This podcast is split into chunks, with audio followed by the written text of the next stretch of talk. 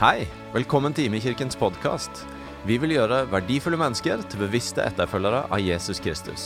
Og vi håper at denne podkasten inspirerer deg til å gå med Gud i din hverdag. Her er dagens tale. Hallo, folkens. Kjekt å se dere. Jeg heter Mariann Nygaard, og jeg jobber her på huset. Å, der var det studenter, vet du. Takk, takk. Jeg jobber altså på eh, Akta bibelskole mesteparten av tida. Takk, der er studentene. Og så leder jeg Akta profeti. Og der er det en gjeng fra 18 til 64 år som har satt av ett år til å gå dypere med Gud. Eh, og bare lytte til hva han sier, og også lære oss også i, hvordan vi skal gi det videre. Og Disse siste dagene så har jeg vært i Philadelphia Kristiansand sammen med Martin Cave. Og vi har fått lov til å ta med litt av det som Akta Profeti bl.a. satt sammen torsdag morgen og lytta til Gud for Philadelphia Kristiansand og for byen. Og så kunne vi ta det med og gi det videre. Jeg vil bare si Det var så utrolig fint. Jeg, jeg syns jeg hadde dere med på turen. og Det var veldig veldig fint å kunne stå sammen med lederskapet i Philadelphia Kristiansand og gi videre. Så det eh, heier vi på. Ja. At vi skal kunne få bety noe, ikke bare for vår by, men òg utover det. Sammen med menigheter som Philadelphia Kristiansand f.eks. Sammen med andre menigheter som vi samarbeider med til Guds ære og til beste for landet vårt. Det er vi opptatt av. Og så har jeg eh, altså vært på en gudstjeneste rett før her, og der hadde jeg besøk av ei venninne av meg. Eh, og Hun hadde bestemt seg for at hun skulle komme innom her i dag. Og Hun sa det til ungene sine at du, jeg skal på gudstjeneste i min kirke. Og, og, Hun gjør ikke det så ofte, kan du si, så de sa 'hæ, hva da for?' Sa, jo, fordi at Mariann skulle tale. Ja vel, sier jeg. Tale? Hva var det for noe? Hva, hva hun skal snakke om da? Og hun sa det, Da ble jeg svar skyldig, gitt, for jeg hadde ikke peiling. sa hun. Men jeg sa det til dem. Det er sikkert Gud og Jesus og hvordan vi skal være med hverandre, og sånn, for det pleier vi å gjøre. Så tenkte jeg ja, ja, det er greit. Det, det kan ikke være det verste, det. Og det er egentlig det vi holder på med denne høsten. Om ikke Gud og Jesus og hvordan vi skal være med hverandre, så går vi for møtene med Jesus. Vi har hatt Jesus-meditasjoner gjennom hele høsten. Og det er ikke sånn at du må ha vært på de andre for å kunne få med deg noe ut av det. Men det vi altså gjør, det er at vi stopper opp ved forskjellige tekster i Bibelen, i Det nye testamentet, og så går vi noen steg i sammen med Jesus. Og Det skal vi gjøre i dag òg. Vi skal inn i historien i Markus 5. Så da kan du slå opp der hvis du vil det. Og Bakteppet er altså at Jesus har, gjort, altså han har fortalt en mengde historier, såkalte lignelser. Så har han stilla stormen, og så har han gjort seg skikkelig upopulær blant de lokale grisebøndene. Og Så går han altså om bord i båten igjen og setter over til den andre sida. Og ryktet om Jesus løper foran han. Og Ganske snart så blir han oppsøkt av synagogeforstanderen Jairus, som forteller at han har ei veldig syk datter. Han bønnfaller Jesus om å komme til huset hans og legge hendene sine på den syke jenta, så hun kan bli frisk. Og underveis, på vei til Geires sitt hus, så skjer altså vår historie. Og Da går vi inn i Markus 5, fra vers 25. Det var en kvinne der som hadde hatt blødninger i tolv år. Hun hadde lidd mye hos mange leger Alt hun eide, hadde hun blitt brukt uten å bli hjulpet. Det var heller blitt verre med henne. Hun hadde fått høre om Jesus og kom nå bakfra i folkemengden og rørte ved kappen hans. For hun tenkte om jeg så bare får røre ved klærne hans, blir jeg frisk. Med det samme, med en gang stanset blødningen, og hun kjente på kroppen at hun var blitt helbredet fra plagen. I det samme merket Jesus at en kraft gikk ut fra ham. og Han snudde seg i folkemengden og sa, 'Hvem rørte ved klærne mine?' Disiplene sa, 'Du ser hvordan folk trenger seg på deg, og så spør du hvem som rørte ved deg.' Men Jesus så seg omkring for å få øye på den som hadde gjort det. Kvinnen skalv av redsel. For hun visste hva som var skjedd med henne, og hun kom og kastet seg ned for ham og fortalte ham alt som det var. Da sa han til henne, 'Din tro har frelst deg, datter. Gå bort i fred. Du skal være frisk og kvitt plagen din.'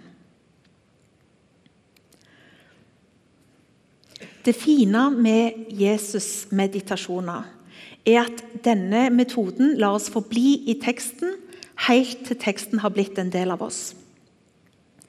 Og Mange av oss har hørt denne historien så mange ganger at det, det går ikke inn lenger. Vi hører det, men vi hører det ikke. Er det bare jeg som har det sånn? Nei, det var et par andre òg. Okay. Så nå skal vi gjøre det som jeg ofte pleier å gjøre når jeg jobber med bibeltekster. Jeg gjør teksten til min. Så nå skal dere få min oversettelse av den samme teksten i The Passion Translation. Kan du bare slappe av og høre etter. Den dagen var det ei kvinne i mengden som hadde lidd fryktelig av blødninger i tolv år. Hun hadde utholdt mye under mangfoldige leger. Hun hadde brukt alle pengene sine på behandlingene deres. Og Like fullt så hadde hun ikke blitt bedre, men dårligere. Da hun hørte om Jesus' sin helbredende kraft, så trengte hun seg fram i mengden og kom opp bak han. Hun berørte bønnesjalet hans. For som hun gjentok for seg sjøl, hvis jeg bare kunne berøre klærne hans, så vet jeg at jeg ville bli helbreda. Med det samme hånden hans berørte han, så stoppet blødningen umiddelbart. Hun visste det. For hun kjente i hele kroppen at hun ble helbreda. Jesus visste med det samme at noen hadde berørt ham. For han kjente kraften som omga han, gå ut på en sånn måte at noen kunne bli helbreda. Han snudde seg og spurte ut i mengden. Hvem rørte klærne mine? Disiplene sa, 'Hva du mener? Hvem som rørte med klærne dine?' Se på folkemengden. Alle presser på for å komme nær deg. Men Jesus lot blikket gli over mengden og så etter den som hadde berørt ham for sin helbredelse. Da kvinnen som hadde opplevd underet, skjønte hva som hadde skjedd med henne, så stilte hun seg foran ham mens hun skalv av frykt. Hun kasta seg ned med beina hans og sa, 'Det var jeg. Jeg rørte ved deg.' Og Hun fortalte han historien om det som akkurat hadde skjedd. Da sa Jesus til henne, 'Datter, fordi du vågte å tro, har din tro helbreda deg.' 'Gå med fred i hjertet og vær fri fra lidelsen din.'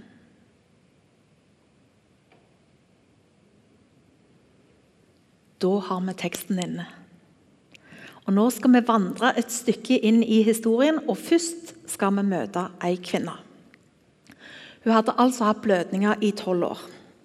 Og Det sies ikke noe om hva som var årsaken til det.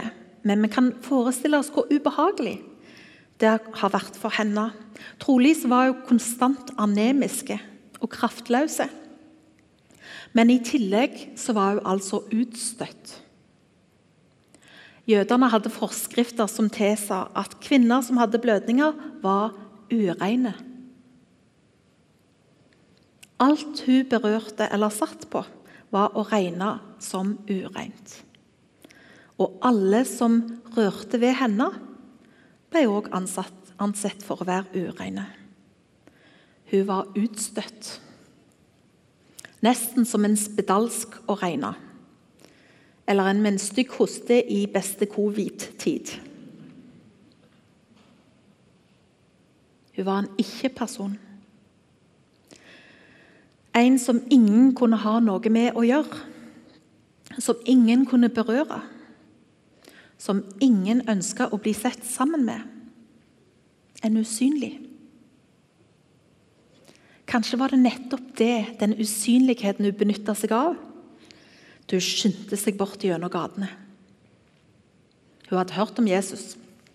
om tegn og under, om han som gjorde spedalske reine, ga lamme førligheten tilbake, kasta ut onde ånder, helbreda uten å ta betalt for det.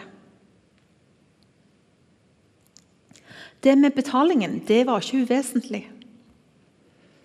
Gjennom tolv lange år så hadde hun prøvd enhver behandling innen rekkevidde. Ingen av de var gratis. Faktisk så hadde hun brukt alt hun eide på mer eller mindre legitime behandlinger. Hun hadde prøvd alt for å bli frisk. Til ingen nytte. Hun var fortsatt like syk. Like utstøtt. Et liv i utkanten av samfunnet. Hver dag hadde hun observert livet rundt seg. Unger som lekte, voksne som lo, folk som jobbet sammen. Prata sammen, spiste sammen. Stikkordet er 'sammen'. Og hun var alene. Det kan være vanskelig for oss å sette oss inn i hvor forkrøplende en sånn tilværelse kan være. Men noen har faktisk gjort hederlige forsøk på å sette seg inn i tankegangen. Forfatteren A.J. Jacobs han bestemte seg for å leve etter så mange bibelske forskrifter som han kunne, i ett år. Og Selv med sin jødiske bakgrunn så var han ikke klar over alle reglene som var å finne i Det gamle testamentet. Men han lot altså skjegget gro, og så gikk han rundt omkring i New Yorks gater i en lang, kledelig, hvit kjortel.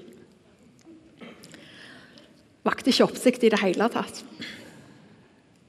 Han kasta alle klærne sine som var vevd av to typer stoff, eller tråder. Og han la om dietten sin til å inkludere nyrista gresshopper og honning. Men så var det kona, da. Som slett ikke hadde sagt, sagt, ja til å være en del av noe eksperiment. Og som i tillegg hadde månedlige blødninger. AJ Jacobs han mente at dette kunne de løse lett. Hun måtte bare sette seg på den ene stolen og sitte på den gjennom uka, og så gikk det bra. det. Hvorpå hun satte seg på trass på hver eneste stol gjennom hele huset. Han bestilte en ny bærbar stol på internett, så han kunne ta med seg alle steder bare sånn i tilfelle. Og, og vi kan le av det, for det er jo løye. Og han valgte det sjøl. Men kvinnen i vår tekst hun hadde ikke noe valg. Dette var ikke en sånn lettliva greie, en forestilling for henne. Dette var en livstidsdom, og hun var dømt til ensomhet så har hun altså da hørt om Jesus, han som helbreder syke. Han har jo til og med helbreda spedalske, så det viser jo at han avviser ikke de ureine. Kunne det være håp for henne hvis hun bare kunne møte denne Jesus? Men alle vet hvem hun er. Alle går omveier for ikke å komme i nærheten av henne ikke tale om de vil la henne slippe nær Jesus. Tenk om det var han som var Messias. Han som hun hadde hørt om helt siden hun var barn. Han som skulle komme. Redningsmannen. Han som var utsendt fra himmelen. Og nå, nå, skulle han komme her der hun var, og så skulle hun liksom gå glipp av redningen i hennes eget nabolag. Hm, niks. Ok. Og plutselig så hadde hun en plan. Hun skulle finne denne Jesus. Helbredelse var innen rekkevidde, og ingenting skulle stå uprøvd. Og så skynder seg ut gjennom dørene, bort gjennom gatene. Bøyd hode, drar sjalet opp i ansiktet sånn at du ikke skal bli gjenkjent. Hun springer bort gjennom og blender seg med mengden som bølger gjennom gatene. Alle snakker opprømt om Jesus. Han som er på vei et eller annet sted, og de som får følge med ham. Og Så får hun et glimt av synagogeforstanderen Jairus, og hun gjemmer seg. Han vet definitivt hvem hun er. At hun er ureine, og at hun ikke har noe med å oppholde seg i folkemengder. Hun dukker ned så han ikke skal se henne. Men han ser ut til å være opptatt med sin egen sorg. Han snakker noe om ei syk datter, og plutselig så beveger mengden seg i en annen retning. Og Hun ser Jairus gå foran mengden sammen med en mann som han snakker med, og hun skjønner at den mannen er Jesus. Han hun leter etter, han som har kraften. På forunderlig vis så klarer hun å avansere i folkemengden. Du rykker stadig fram i køen. Jesus er i nærheten. Helbredelse er innen rekkevidde. Og Fra tid til annen så stopper mengden opp, og hver gang så ser hun et snitt til å snike seg litt nærmere. Litt lenger fram, bare litt nærmere. Litt nærmere Jesus. Og nå er han rett foran henne. Kappen hans bølger rundt ham mens han snakker med de som han går sammen med. Og I parallellteksten i Lukas så står det at kvinnen nærmer seg Jesus bakfra og rørte ved dusken på kappefliken hans. Dusken på kappen. I hvert av de fire hjørnene på kappen så var det festa en dusk som ble holdt sammen med ei fiolett purpurtråd. Ei snor av fiolett purpur. Og Gud hadde selv gitt instrukser om dette i 4. Mosebok. Og Hensikten med disse duskene det var å minne jødene på alle de forskriftene som de skulle holde som en del av sin pakt med Gud. Forskrifter om hvordan en skulle leve.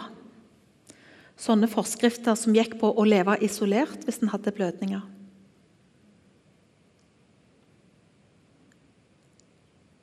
Hun nærmer seg Jesus. Hun har ingen ambisjoner om at han skal røre ved henne. Ingen kan røre ved henne. Men kanskje hun kunne røre ved han? Eller ikke akkurat med han, men noe som hadde vært i kontakt med han. Noe som var i nærheten. Noe som var i rekkevidde for henne som, som en dusk på kappefliken. Og full av tro, håp og adrenalin så rører vi Jesus' en kappe. Litt sånn i forbifarten, sånn at ingen merker det. Bare hun, tror hun.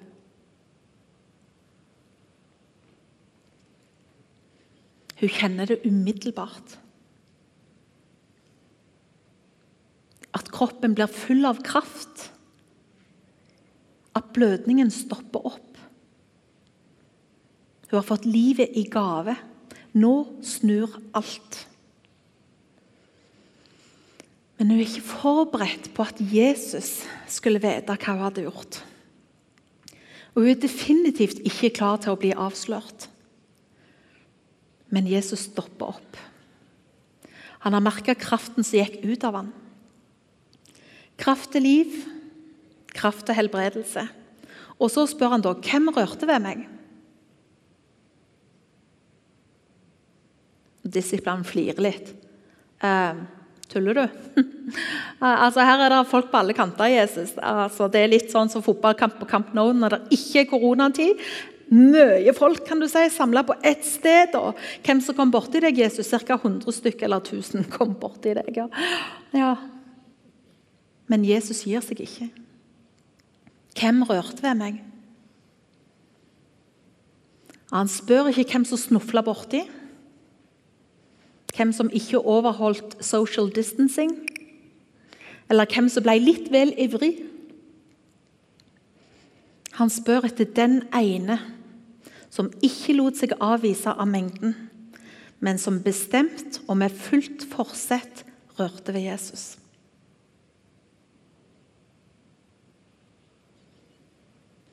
Og så står hun der da, og vet at hun er avslørt. Helbreda, men avslørt.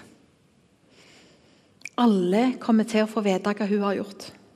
Hun som var ureine, blanda seg med folkemengden. Enda verre, hun tok på han som kanskje var Guds utvalgte. Han som er hellig, skulle nå få vite hva hun hadde gjort. Og så kom hun fram og kaster seg ned for Jesus, skjelvende. Klar til å møte fordømmelse beredt til å ta straffa.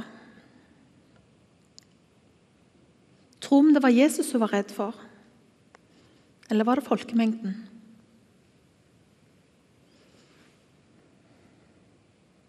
På et vis så kjente hun jo Jesus, eller hun kjente til han. Hun hadde jo hørt om han og alt det som han hadde gjort. Og Sånn hadde hun på en måte blitt kjent med hans karakter. Og Det var jo derfor hun vågte å nærme seg han. Men folkemengden de var kanskje ikke like nådige. Klar til å avvise, til å kaste første steinen. Og så sier Jesus at fordi du kom, fordi du lengta, fordi du oppsøkte meg, så har jeg gjort deg hele. Eller som det står i Markus.: Din tro har frelst deg, datter. Gå bort i fred. Du skal være frisk og kvitt plagen din.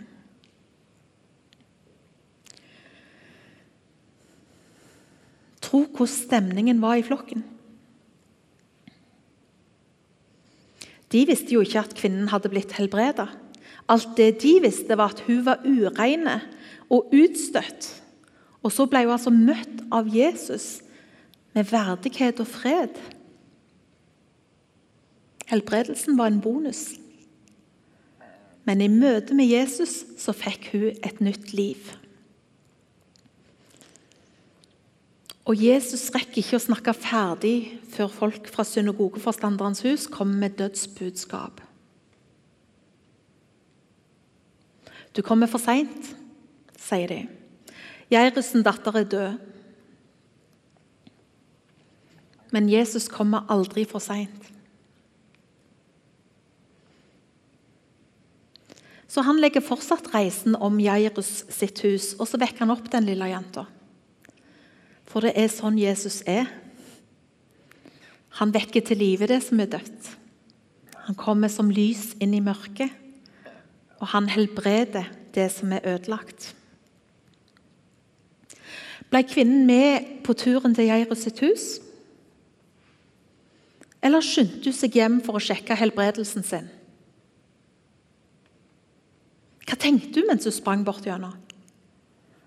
Så hun for seg hva slags liv som ventende? Ikke lenger i ensomhet, men sammen med andre?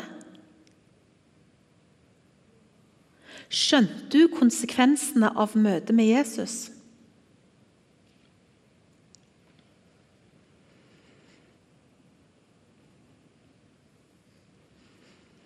For mange år siden hadde vi en gjestetaler på besøk her på IMI. Og Han hadde opplevd veldig mange helbredelser og fortalte om de, og Det var veldig inspirerende. Og På et tidspunkt så skulle han be for meg. Og Vi hadde ikke sagt noe om hva han skulle be for, og jeg feilte heller ikke noe så langt jeg visste om. Og Så sto han lenge stille foran meg med øynene igjen. Og Plutselig så ropte han bort en av ACTA-studentene og sa kan du komme bort her, kan du legge en hånd på magen hans. Aha, hun gjorde det, og så begynte han å be i det vide og det breie om mine female parts. Det er akkurat så gale som det høres ut. Og jeg ble så paff at jeg åpna øynene og bare glodde. Og jeg rakk å se at ACTA-studenten hadde rødma ganske ettertrykkelig og hadde ei skjelvende hånd på magen min. Og han ba lenge og vel for mine female parts, og som så langt jeg visste, ikke feilte noe som helst. Dette er tid for oversharing. Og jeg ble først ganske overgitt, for å si det mildt. Og jeg kunne ha gjort noe med det. Jeg kunne ha flytta meg, jeg kunne ha sagt ifra at det ikke var greit. Men så bestemte jeg meg da for å legge ned min selvoppnevnte rett til å kontrollere situasjonen. Jeg ga alt til Gud. Jeg sa, 'Gud, jeg er din. Gjør med meg som du vil.' Og Etterpå så takket jeg taleren for at han hadde bedt for meg. Og før jeg gikk ut av det rommet, så bestemte jeg meg for at jeg ikke skulle være fornærma.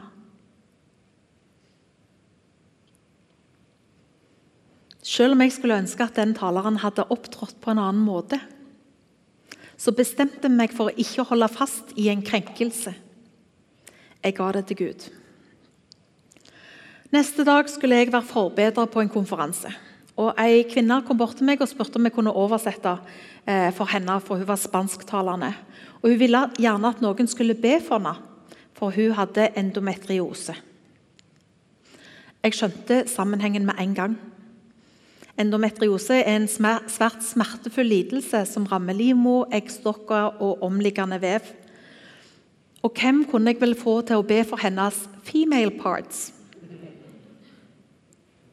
Ganske riktig. Jeg er lei den bort til den taleren som hadde bedt for meg dagen før. Og Han ba meg om å bli med og be for henne.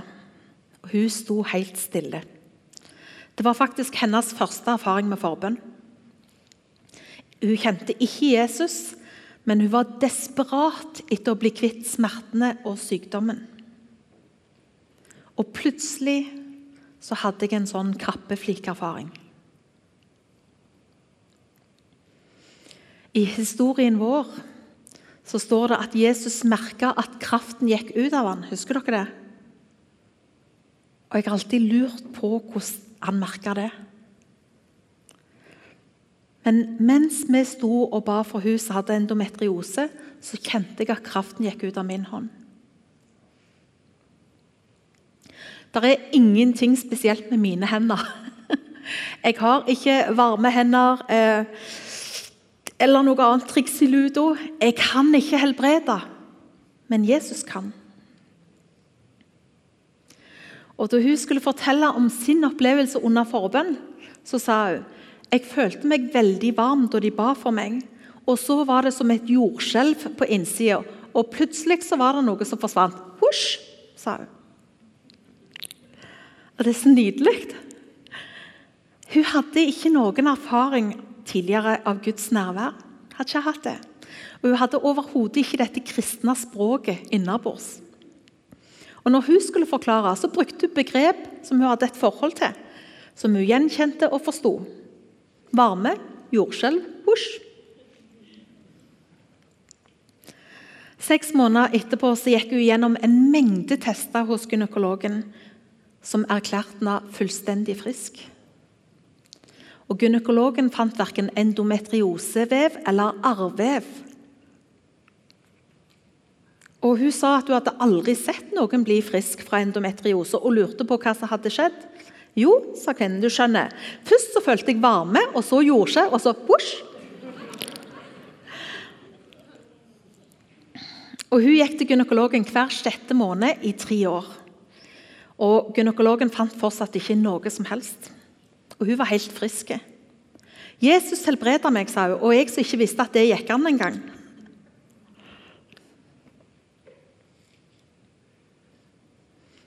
I møte med Jesus så forandres alt. En berøring gir nytt liv. Håp for framtida. En evighet i vente. Og helbredelsen var bare en bonus.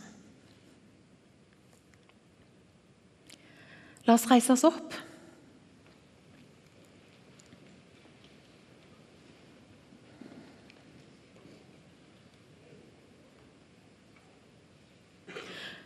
Så mange ganger så venter vi, litt sånn avventende, på en berøring.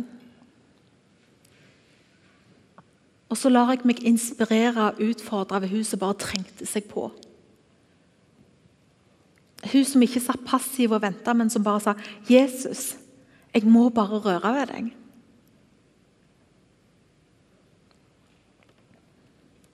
Og Hvis du er her som vil trenge deg fram, for å røre ved Jesus, så vil jeg be for deg. Og Det er ikke sånn at du må trenge deg fram til scenen. Det er helt greit å stå der du står. For det er det som er greia med Jesus. Han finner deg. Han møter deg der du er. Og hvis du trenger et møte med Jesu kraft hans kraft inn i ditt liv, inn i kroppen din, inn i din livssituasjon. Inn i familien din, inn i jobbsituasjonen din, inn i relasjonene dine. Så vil jeg at du skal legge hånda på hjertet ditt. Og så vil jeg gjerne be for deg.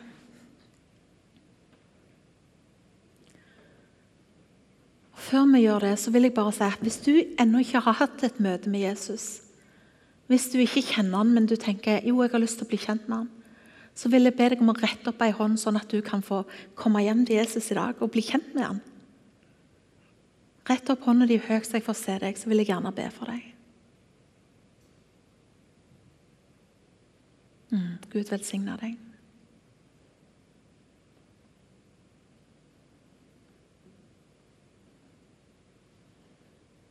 Da ber vi. Kjære Jesus, takk for at du kom oss i møte. Nå strekker vi oss etter deg. Rører ved deg, rører ved kappefliken. Takk for at kraften i deg går ut til vår helbredelse. For Jeg har lyst til å be spesielt for de sykdommene som er nevnt her i dag, i forhold til eh, blodrelaterte sykdommer, blødninger, og òg i forhold til hormonforstyrrelser og plager. For Vi løfter det opp for deg, og vi sier 'bli frisk i Jesu navn'. Sier til hver enkelt 'bli frisk i Jesu navn'. Takk for at du er den som gjør oss hele.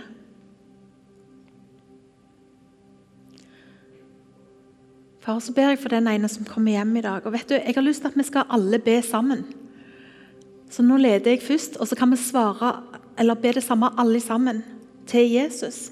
Så står vi sammen med den som kommer hjem til Jesus i dag. Ok? Kjære Jesus. Nå kommer jeg hjem. Takk for at du tar imot meg. Takk for at du elsker meg. Takk for at du tilgir meg all min synd. Takk for at jeg nå har navnet mitt